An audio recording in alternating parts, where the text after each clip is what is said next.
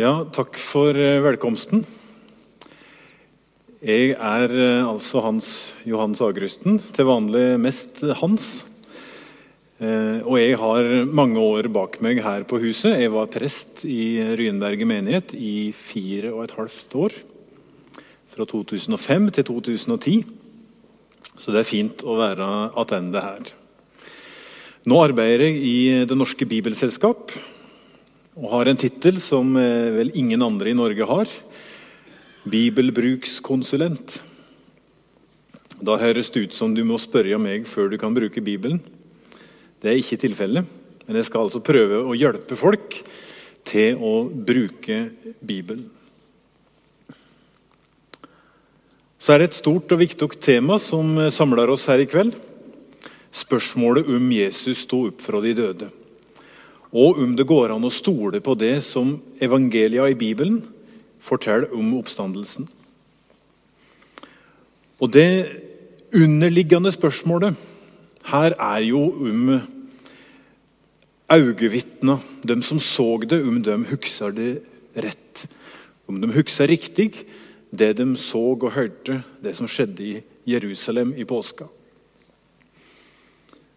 Og Jeg tenkte jeg skulle da starte med en veldig enkel eh, graf, eh, eller to søyler.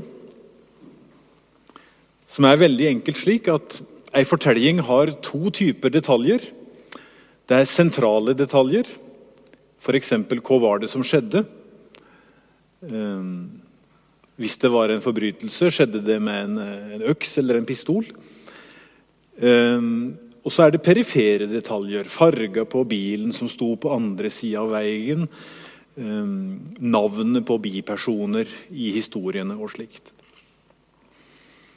Og som de to søylene viser, når det har gått en stund, så husker du mest av sentrale detaljer. Og du husker mindre av perifere detaljer.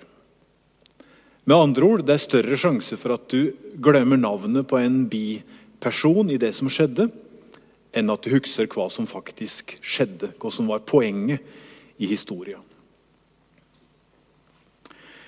Og Ut ifra dette så vil det da være slik at en kan si at hvis du har fått småtinga riktig, hvis du har fått de perifere detaljene korrekte, f.eks. navn på personer, da er det også sannsynlig at du har fått de sentrale detaljene riktig.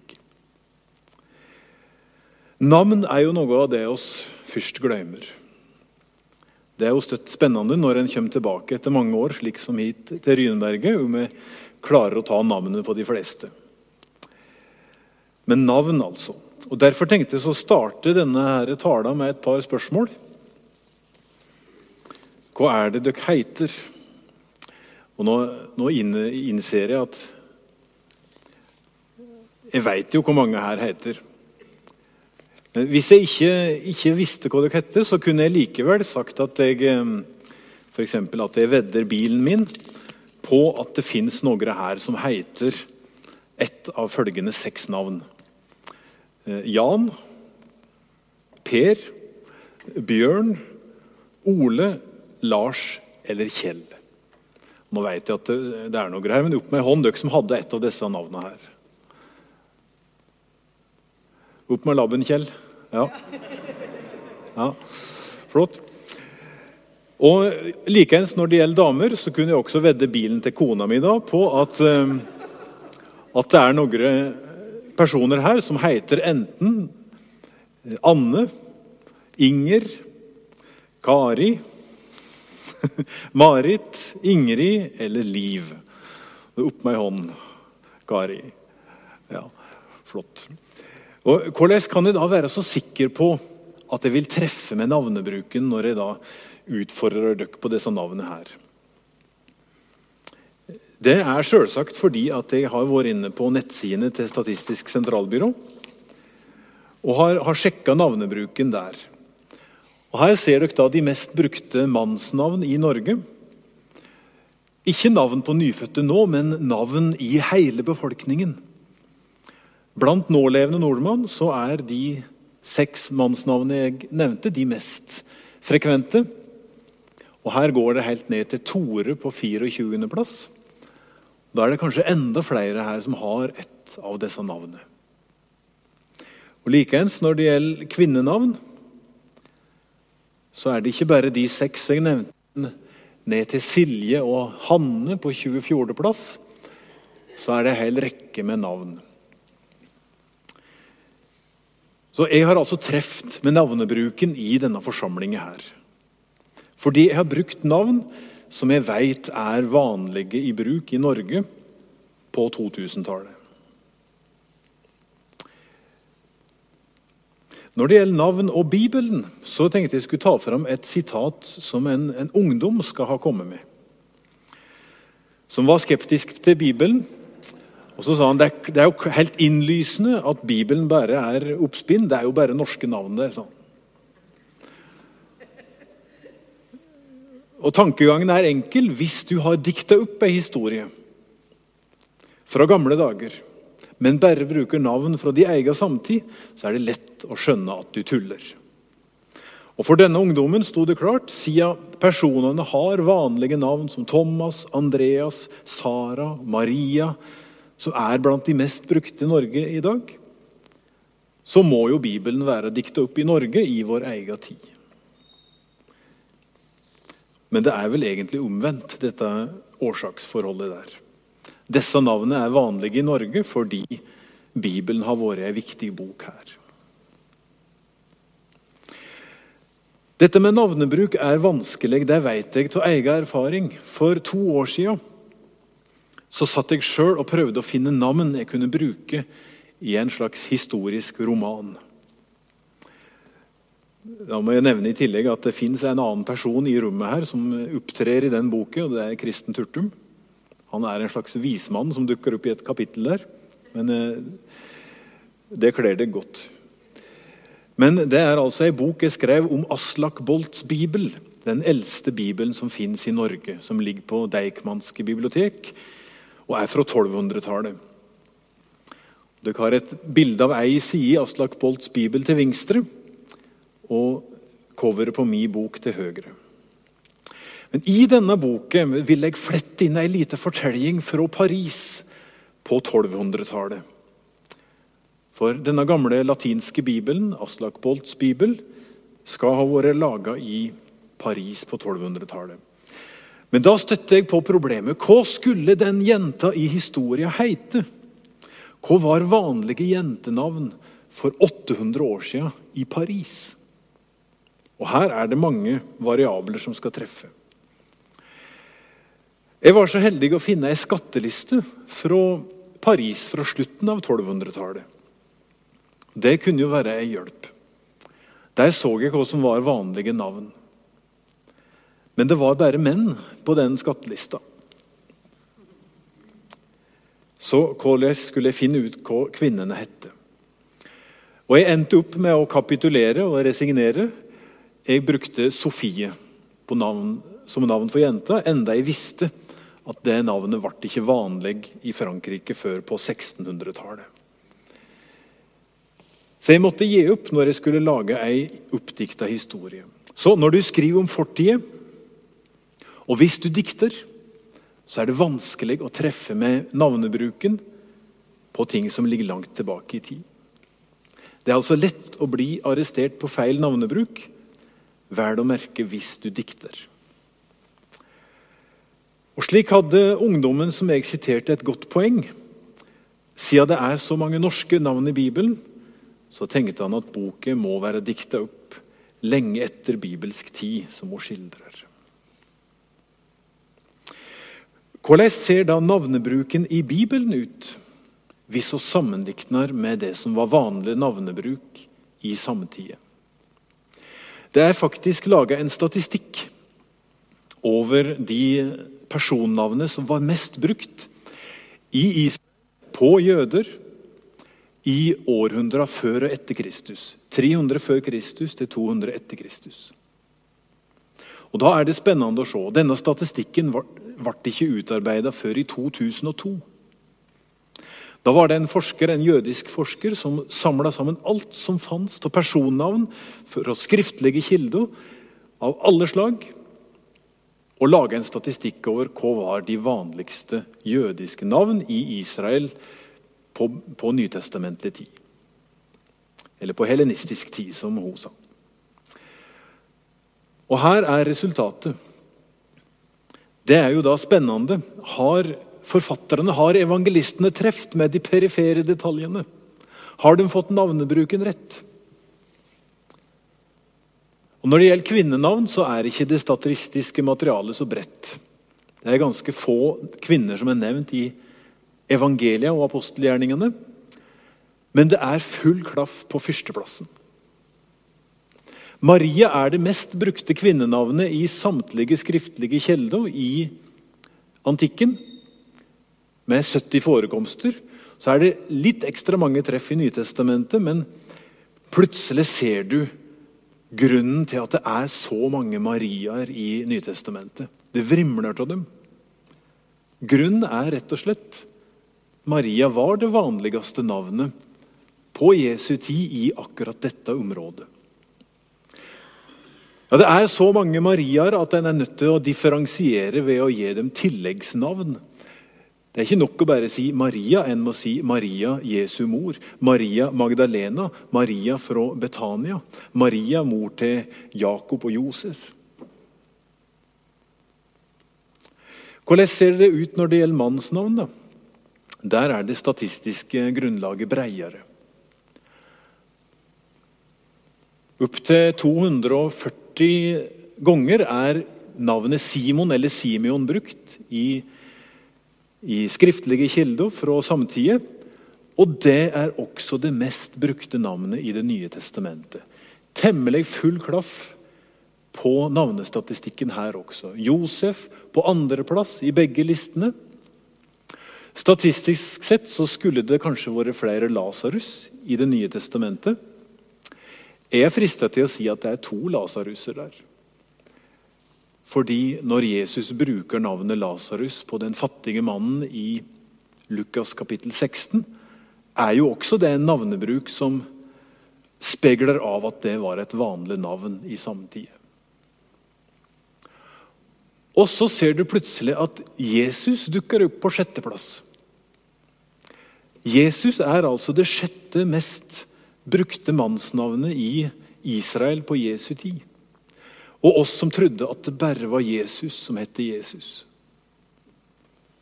Og en og annen søramerikansk fotballspiller, da.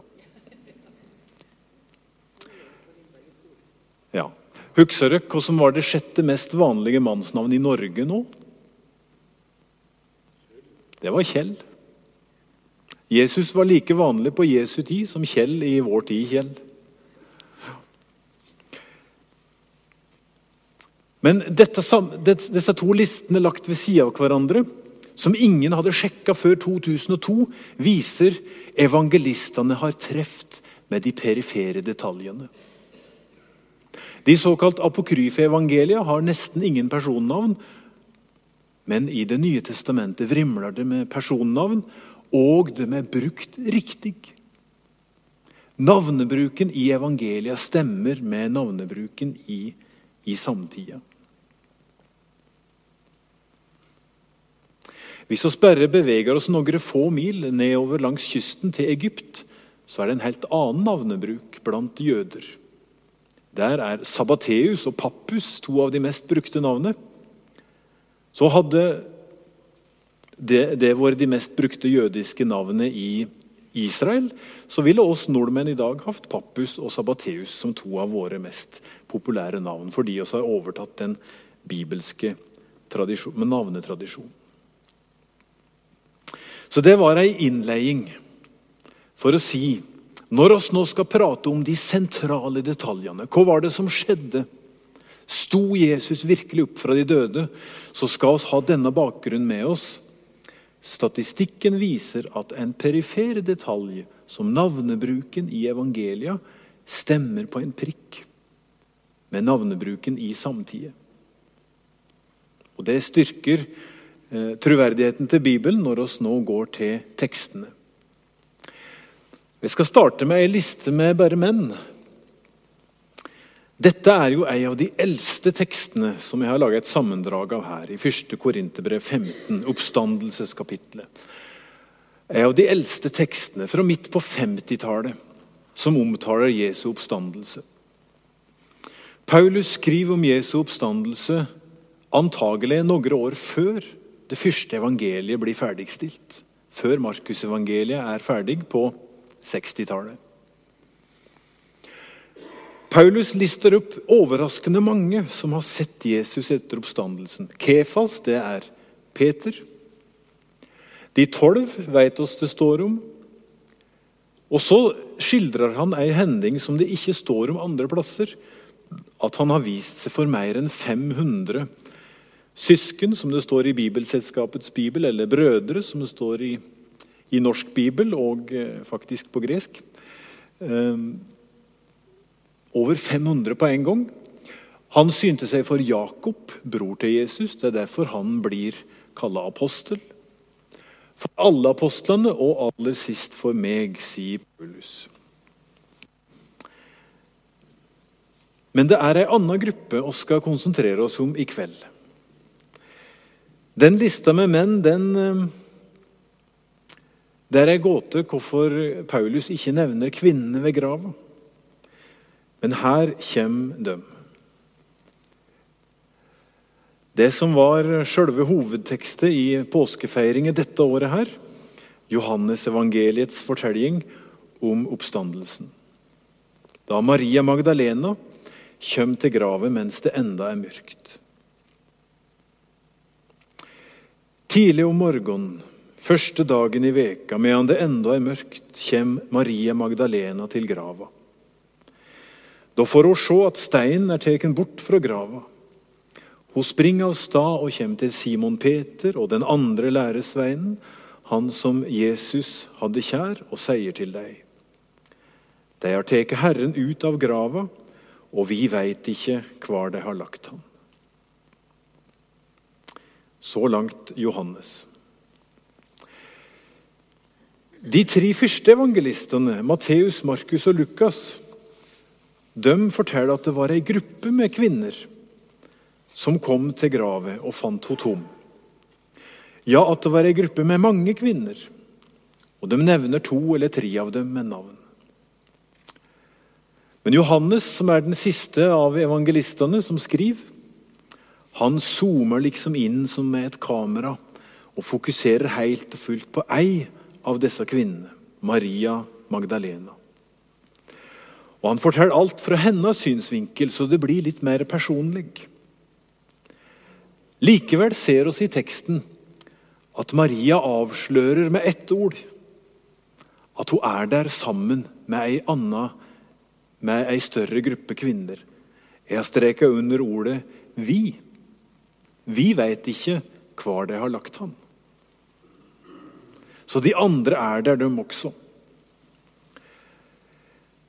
Maria Magdalena er den eneste av disse kvinnene som er nevnt med navn i alle fire evangelia på påskemorgen.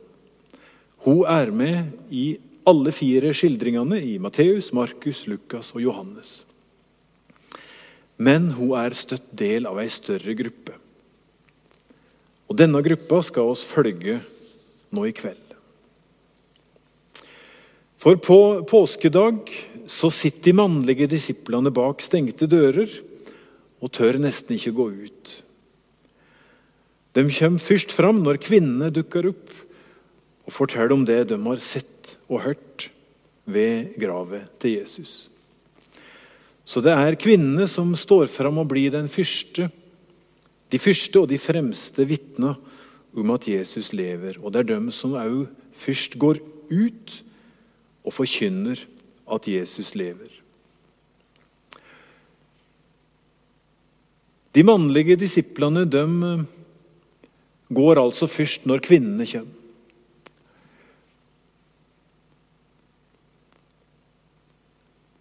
Det er eh, når hun kommer til Simon Peter og den andre, den anonyme, som antagelig er Johannes, at de tar ut og springer til grava. Vi veit ikke hvor de har lagt han, sa hun. Da tok Peter og den andre læresveien ut og kom til grava. De sprang sammen, men den andre læresveien sprang fortere enn Peter og kom først til grava.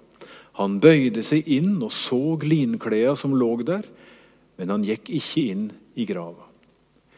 Simon Peter følgde etter, og han gikk inn. Han så linkleda som lå der, og duken som Jesus hadde hatt over hovedet. Den lå ikke sammen med linkleda, men sammenrulla på en stav for seg. Da gikk den andre læresveien òg inn, han som var kommet først fram til grava. Han så og trudde.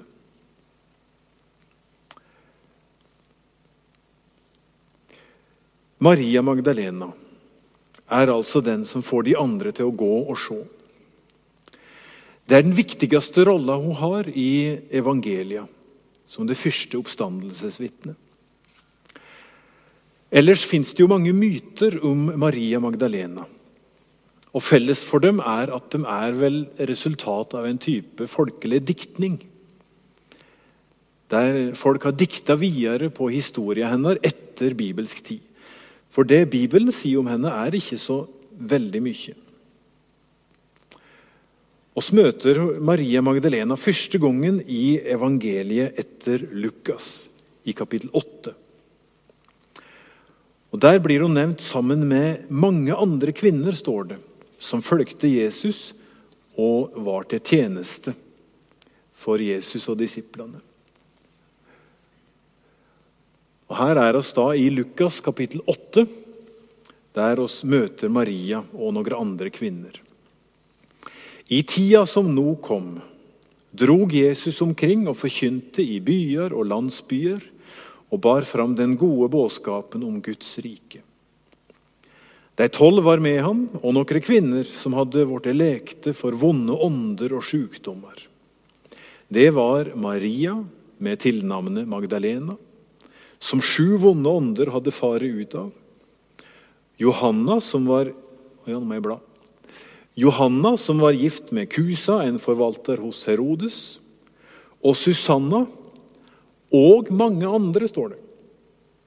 Med alt det de eide, tjente de Jesus og de tolv.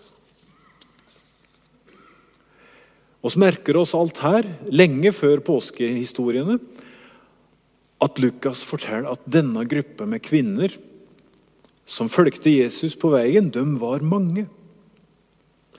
Og for det andre at de tjente Jesus og de tolv. Akkurat hvordan de tjente og hjalp Jesus og de tolv, står det ingenting om. Men det er verbet som er brukt, verbet for å tjene, er laga av samme rot som vårt ord diakon og diakoni. De drev altså med diakoni. Kanskje var det ei tjeneste som var retta mot de fattige de drev med, mot de sjuke eller svake. Som Maria Magdalena og de andre kvinnene gjorde i Jesu følge. Vi veit ikke mer om dette. Men her er altså gruppa med kvinner presentert. Vi vet at de følger Jesus på vandringen videre fra Lukas 8, fra Galilea opp til Jerusalem. Peter fornekter, og Judas angir Jesus i Getsemane, står det. Da blir denne gruppe med kvinner værende trufaste. De er der og ser det som skjer videre. De får den viktige rolla som øyevitner til det som skjer. Og skal nå se på tre ganger i historien om Jesu død og oppstandelse, da kvinnene blir nevnt. Når Jesus dør, når han blir gravlagt, og når de finner den tomme graven. Og Ved hver av disse tre hendingene så blir det understreka at de så at de så det som skjedde. Alle de tre første evangelistene nevner disse tre gangene da Jesus dør, blir gravlagt og, og har stått opp. Nå er det litt flere enn jeg trodde, så dere får kikke litt sammen. Men jeg har et ark i 25 eksemplar som dere kan følge med på i de tekstene som jeg er innom. Mange kaller dette derfor en handout. Sylfest Lomheim har hatt kurs med oss i Bibelselskapet og sier det heter et støtteark. Støtteark, ja. Og Da kan du følge med i ene spalta, så står det en evangelist og også ei hending. Dette skjønner du når du ser det. Den første gangen oss hører at kvinnene står som øyevitne og ser det som skjer, det er da Jesus andar ut og dør på Golgata. Og Etter at Jesus har anda ut, så går det bare fem vers. Altså Ganske umiddelbart etterpå så dukker den store kvinnegruppa opp. Her i Matteus-versjonen, Matteus 27, 55 og 56. I vers 51 har Jesus utånda, og så står det fra vers 55. Det var òg mange kvinner der som sto langt unna og så på. De hadde fulgt Jesus fra Galilea, altså er det den samme store gruppa som Lukas omtaler i kapittel 8, som er mange. Og det hadde tjent ham. Mellom dem var Maria Magdalena, Maria, som var mor til Jakob og Joses, og for det tredje mor til Sebedeus-sønnene, som oss ikke får vite navnet på, men hun blir identifisert som mor til Jakob og Johannes. Ved denne anledningen så nevner altså Matteus disse tre. Markus nevner to, han nevner, nei, han nevner tre. Han nevner de to Mariaene og i tillegg Salome. Og det blir understreka at de så det som skjedde. De står der som øyevitne. Også Lukas nevner denne gruppa med kvinner her, men han viser tilbake til det han har sagt i kapittel 8. Det er dem der med Maria og Johanna og Susanna og de mange andre. Kanskje er det akkurat dette også gjort nå gjennom fastetida før påske og stått på litt avstand og sett på. Kanskje kvinnene likner litt på oss. Jeg vet ikke. Men du og jeg vet det som disse kvinnene ikke visste på det tidspunktet. At det skulle komme til å vise seg at det var en mening med denne lidelsen og denne døden. Det vet ikke kvinnene enda, men de står og ser. De er øyevitner for oss i teksten. Så det har vi sett på den første gangen, når Jesus dør. Det er mange kvinner. To eller tre er navngitt i hvert evangelium. Den andre gangen kvinnene blir nevnt, er da Jesus blir gravlagt. Og På nytt er det påfallende at kvinnene blir nevnt veldig raskt etter at Jesus er lagt i gravet. De kommer inn i teksten veldig fort. Og det blir understreka at de så det som skjedde. Her er Lukas-versjonen av det. De kvinnene som hadde vært med han fra Galilea, altså dem han har nevnt i kapittel 8, Maria, Johanna og Susanna og mange andre, de følgde etter. De så grava og så hvordan Jesu kropp var lagt der. Altså Denne understrekinga at de så, er en slags forsikring mot at folk skulle tro at de gikk til feil grav to dager etterpå. De hadde sett gravet, de visste hvor hun lå. Siden gikk de hjem og gjorde i stand angende olje og salve. På sabbaten holdt de seg i ro, som lova kravde. Det er altså den gruppa med kvinner som er mange som Lukas har vist tilbake til her. Mange, altså. Hvor mange kunne de være i gruppa med kvinner som fulgte Jesus? De er i alle fall flere enn tre. Skal vi våge å si at de kanskje var 10 eller 15 eller 20 eller 30? Det er vanskelig å si hvor mange mange er.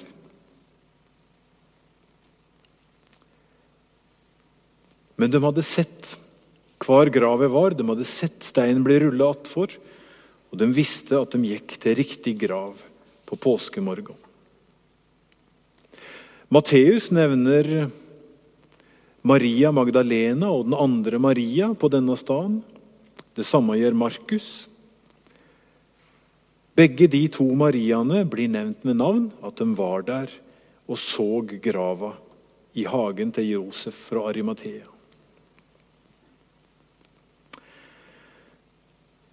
Jeg snakka om augevitner og vitner. I en rettssak i vår tid så er det jo slik at det blir regna som positivt hvis et augevitne er mest mulig nøytralt. Hvis et augevitne ikke kjenner de involverte, nærmest er en slags tilfeldig forbipasserende, som tilfeldigvis ser det som skjer, da er han helt upartisk og er et godt vitne. I antikken for 2000 år siden var det ikke slik. Der var det helt omvendt. Da tenkte folk slik Hvem kunne bedre fortelle om det som skjedde, enn dem som kjente de involverte? Hvem kunne være bedre øyevitner enn dem som var der, var en del av gruppa, kjente de involverte?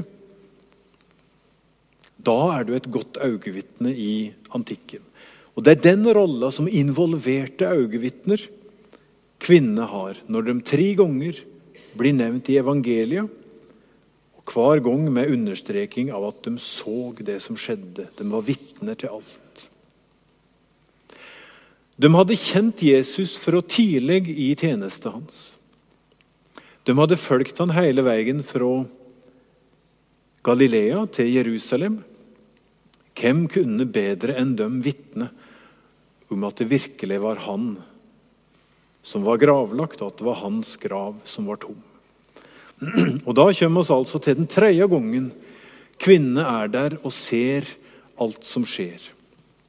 Og Jeg skal lese fra Lukas-versjonen denne gangen. De kvinnene, som oss veit er mange, er der og ser. Og Denne gangen er det den tidlige morgentimen da de kommer til gravet. Det er enda ikke blitt ljost når de kommer fram. Og De tror de er på vei for å stelle en som er død. For de har med seg velluktende oljer og salver for å stelle han de var så glad i. Og Det som skjer, er ifølge teksten helt uventa. Det er ikke forventa, det som skjer i evangeliet når den tomme graven blir funnet. For de finner altså graven tom. Evangeliet er også samstemte om at de møter engler som forteller at Jesus har stått opp fra de døde, og at kvinnene får beskjed om å fortelle dette til apostlene.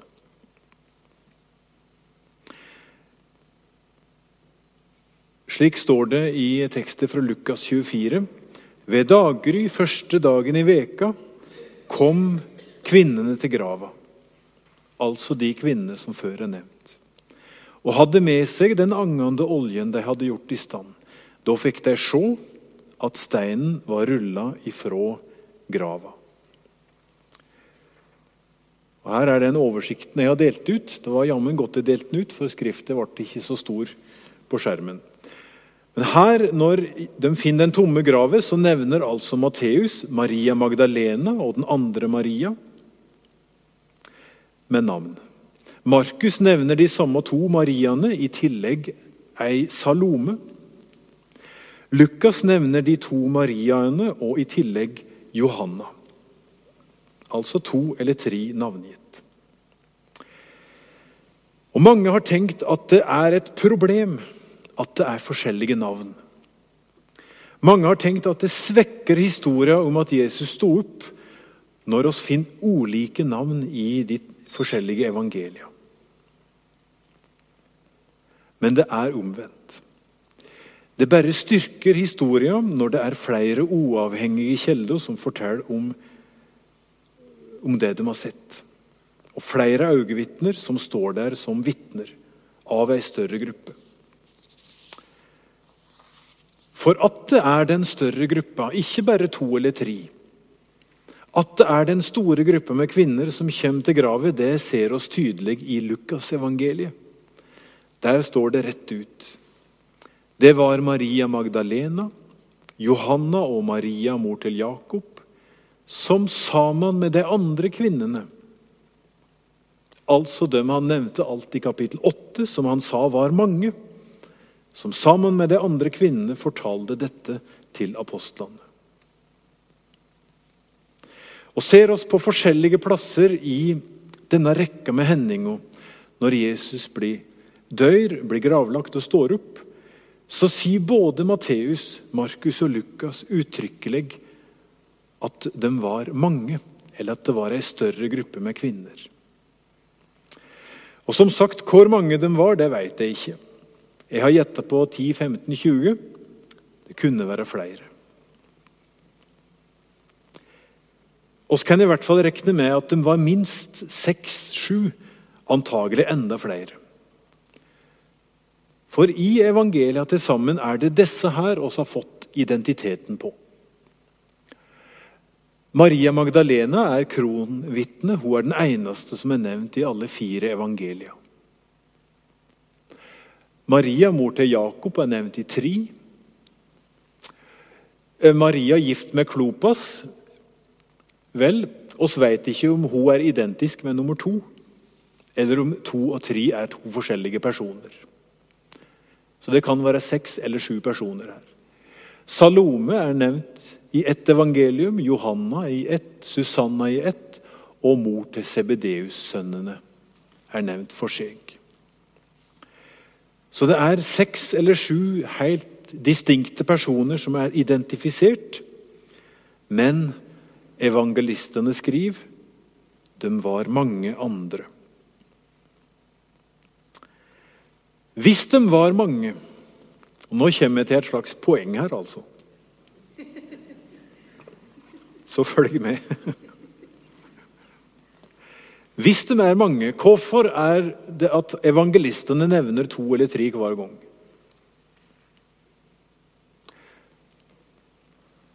Kunne de ikke nevne ei eller fire, f.eks., eller fem eller seks?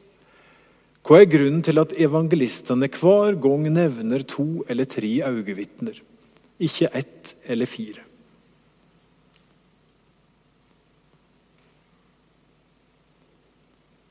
Mange av dere har skjønt det mens jeg stilte spørsmålet, ikke sant?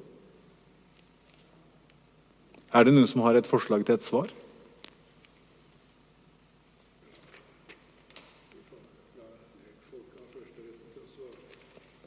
Det fins et svar på første benk, men han sier at lekfolket må få sjansen først.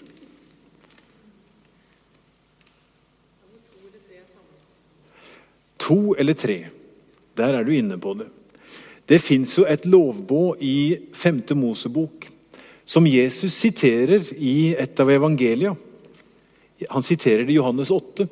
Med vitnemål fra to eller tre vitner skal saka stå fast. Det er altså jødisk rettspraksis som Jesus henviser til med sitat fra 5. Mosebok. Du skal ha to eller tre vitner. Da er saka avgjort. Har du ett vitne, så er det litt tvilsomt. Har du to eller tre, da er saken grei. Da trenger du ikke fire eller fem. Det er det jeg ser i disse tekstene her. To eller tre vitner hver gang. Det er Moselova sitt krav om vitner som gjør at evangelistene nevner to eller tre hver gang. Alle veit at de var flere, og her og der i tekstene blir det sagt. At de var mange. Men for å oppfylle Moselova sitt krav til vitner, så nevner de to eller tre med navn, men de varierer hvem av disse mange de nevner med navn.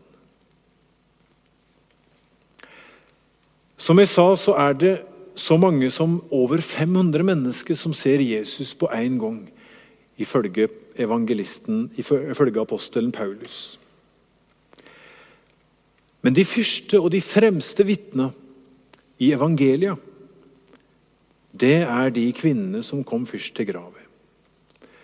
Og Ei av dem har altså evangelisten Johannes fokusert på, men hun òg sier vi veit ikke hvor det har lagt han.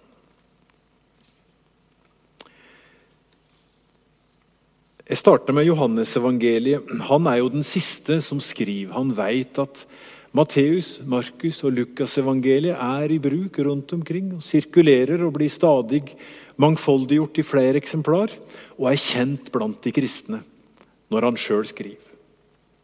Så Johannes kan forutsette at historiene for de tre første evangeliene er kjent.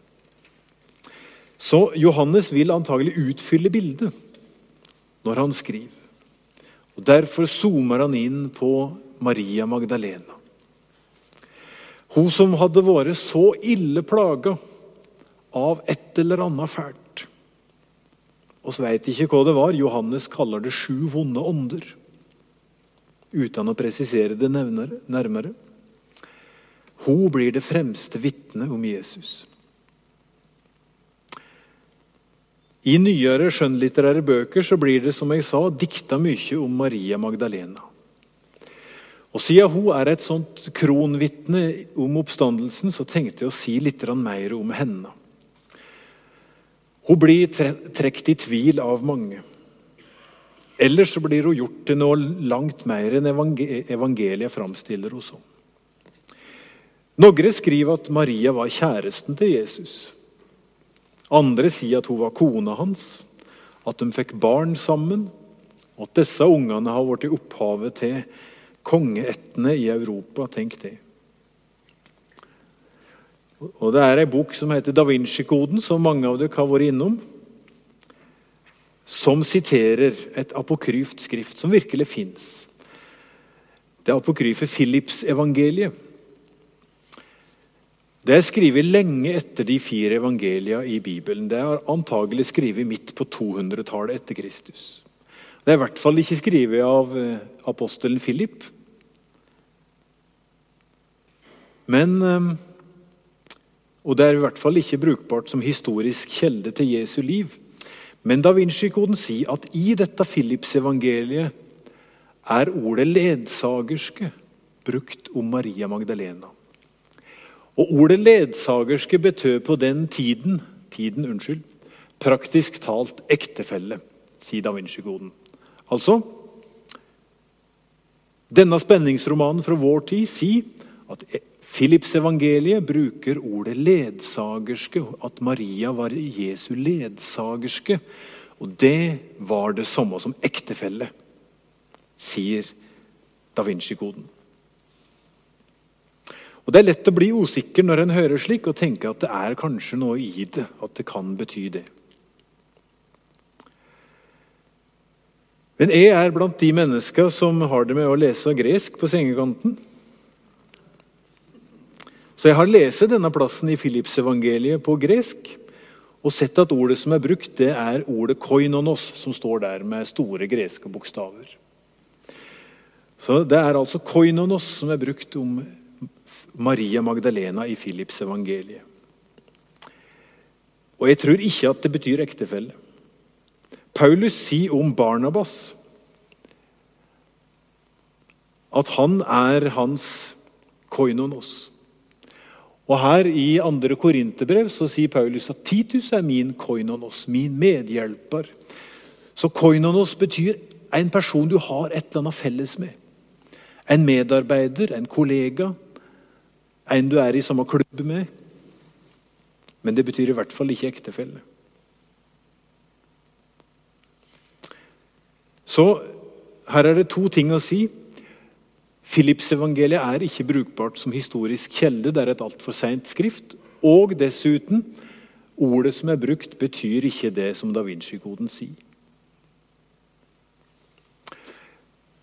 La meg gå videre til et annet såkalt apokryft evangelium som er veldig interessant, det er Thomas-evangeliet. Der òg blir Maria Magdalena nevnt spesielt. På en veldig spesiell måte. Thomas-evangeliet står ikke i Bibelen, med god grunn.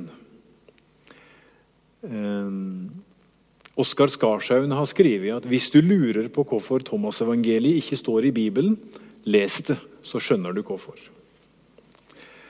Et evangelium i vanlig forstand er det skriftet ikke. Det er veldig kort. Det er bare en tredjedel av lengda til Markusevangeliet. Og det er eh, rett og slett en samling. Det er ikke noe handling der. Det står ingenting om det de fire evangelia i Bibelen legger så stor vekt på, at Jesus lir og dør og står opp igjen. Ingenting om det, men bare 114 sitat, utsegner, som blir kalla for logier om Jesus. Eller ting han skal ha sagt. Noen av dem minner om ting i evangeliet, at be, så skal du få, og slike ting. Andre ting minner om noe Märtha Louise kan ha sagt, eh, som er litt sånn New Age-prega. Og en del er veldig merkelig. Thomas-evangeliet har vært veldig populært blant nyreligiøse. Og Det må komme av at de ikke har lest det. som sagt. Her er det den siste avsnittet i Thomas-evangeliet. Og Her dukker Maria Magdalena opp.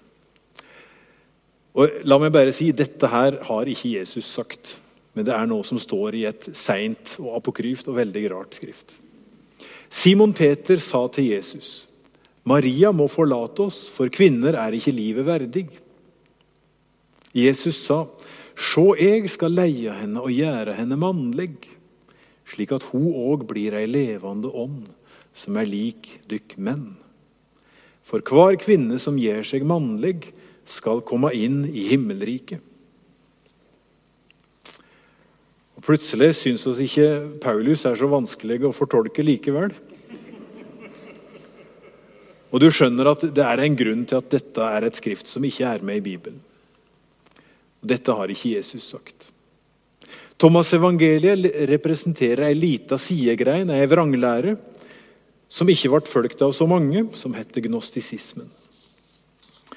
Og Et ganske sikkert tegn på at det var få som fulgte denne true, det er at en har funnet bare ett ordentlig eksemplar av dette skriftet. En visste at det fantes, eller hadde funnes, men en fant ikke et fullt manuskript før i 1945 i Nag Hammadi. Så det er funnet i ett eksemplar. Til sammenligning så er det ingen av bøkene i vårt Nytestamentet som er funnet i færre enn 300 eksemplar i arkeologiske funn, og evangelia i et par tusen eksemplar. Og Til sammen fins det nesten 6000 gamle manuskript som er funnet for å, lenge før boktrykkerkunsten av Det nye testamentet på gresk. Så en ser at De nytestamentlige bøkene de var mye brukt. De kristne elska dem, de elska å lese dem, de elska å dele dem med hverandre. Og skrive av og mangfoldiggjøre dem. Thomas' evangeliet er funnet i ett eksemplar. Så du skal ikke tro alt du hører om Maria Magdalena. Eller rettere sagt, som, som Bjørn Are Davidsen sier Nesten uansett hva du hører om Maria Magdalena, kan du gå ut fra at det er feil. Hun er verken Jesu kjæreste eller Jesu kone. Hun er Jesu koinonos, kanskje. En medarbeider, en disippel, en følgesvenn på veien. Og Bibelen gjev hun egentlig den aller høyeste plassen hun kunne få. Høyere enn plassen som ektefelle eller kjæreste eller hva det skulle være. Hun er det fremste og det første øyevitnet som får privilegiet det er å forkynne at gravet er tom. Jesus har stått opp. Jeg har møtt engler som sa at han lever. Det er den plassen hun har fått. Og det er den plassen de andre kvinnene òg har fått. Dem som dukker opp som to og tre, med navn, og er mange. Historikeren Josefus skriver at kvinner ikke hadde noen autoritet som vitne i rettssaker på Jesu tid. En kunne ikke stole på vitnesbyrdet fra ei kvinne.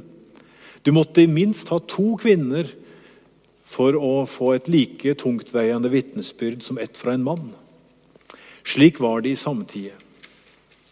Men for Jesus er de gode nok. Og ingen forfatter som ville dikte opp ei historie om Jesus.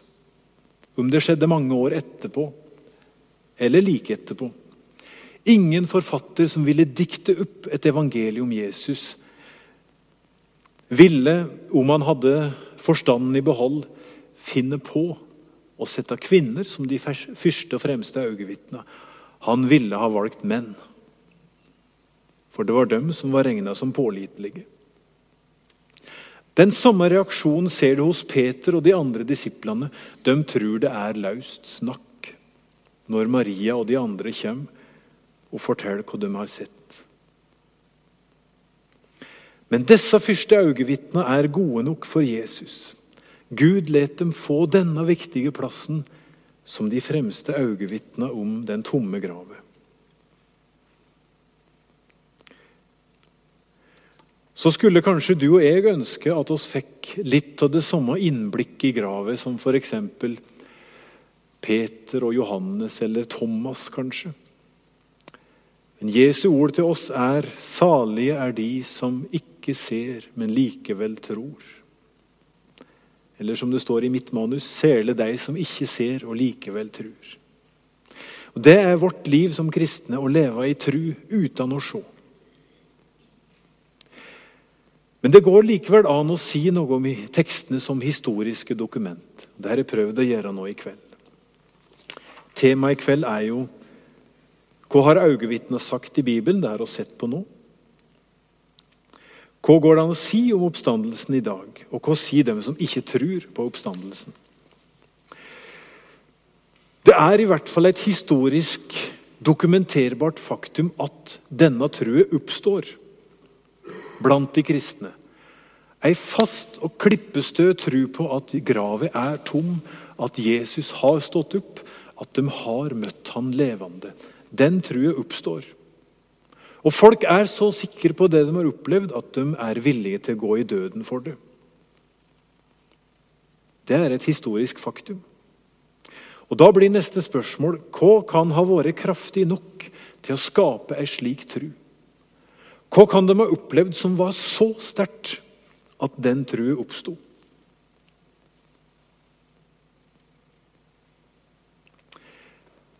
Hva sier de som ikke tror? En av verdens fremste forskere på Det nye testamentet, som sjøl ikke er kristen, han er agnostiker, det er Bart Ehrman. En ganske kjent amerikansk forsker som er flink til å popularisere og skrive bøker.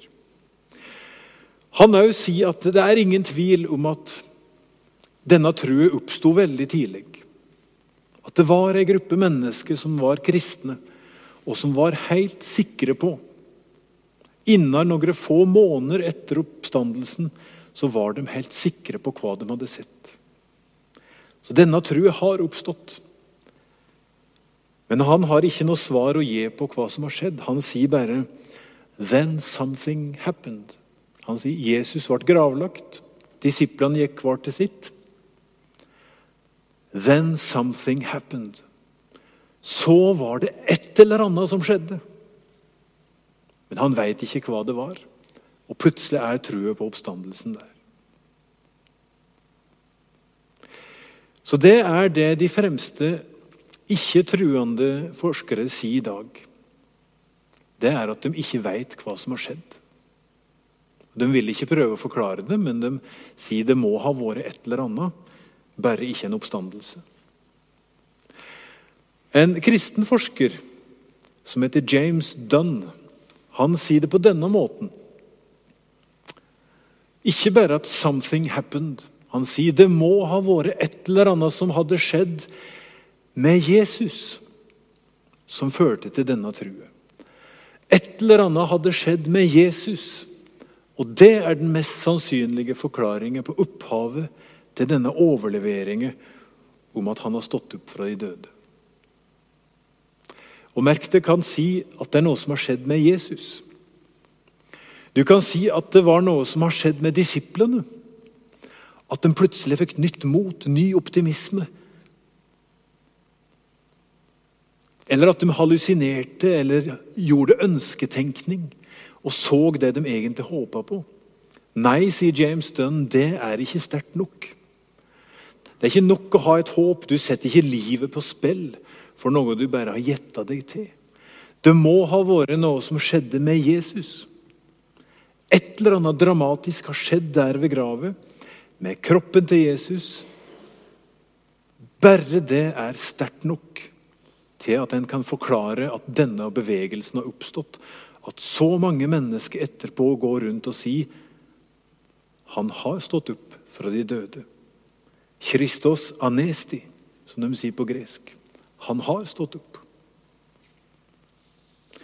Og Det er kanskje så langt oss kommer, og det er i hvert fall der jeg har tenkt å stoppe. Det er et eller annet veldig sterkt som har skjedd. Du og jeg veit hva det er, og så har hørt det fra kvinnene ved gravet, dem som var mange. De har sett at gravet var tom. De har fortalt til disiplene han har stått opp fra de døde. Bare det har kraft nok til å forklare den historiske hendelsen, det historiske faktum, at truet på oppstandelsen oppsto. La oss be.